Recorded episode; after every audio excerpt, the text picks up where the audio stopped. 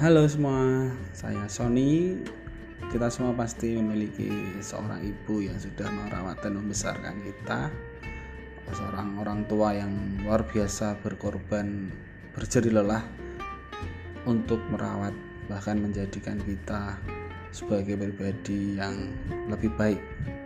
Kita bersyukur kepada Tuhan tentu dan kita harus berterima kasih atas segala jasa daya upaya dari orang tua kita terkhusus ibu kita pasti kita mengingat hal-hal kebaikan-kebaikan yang pernah beliau lakukan.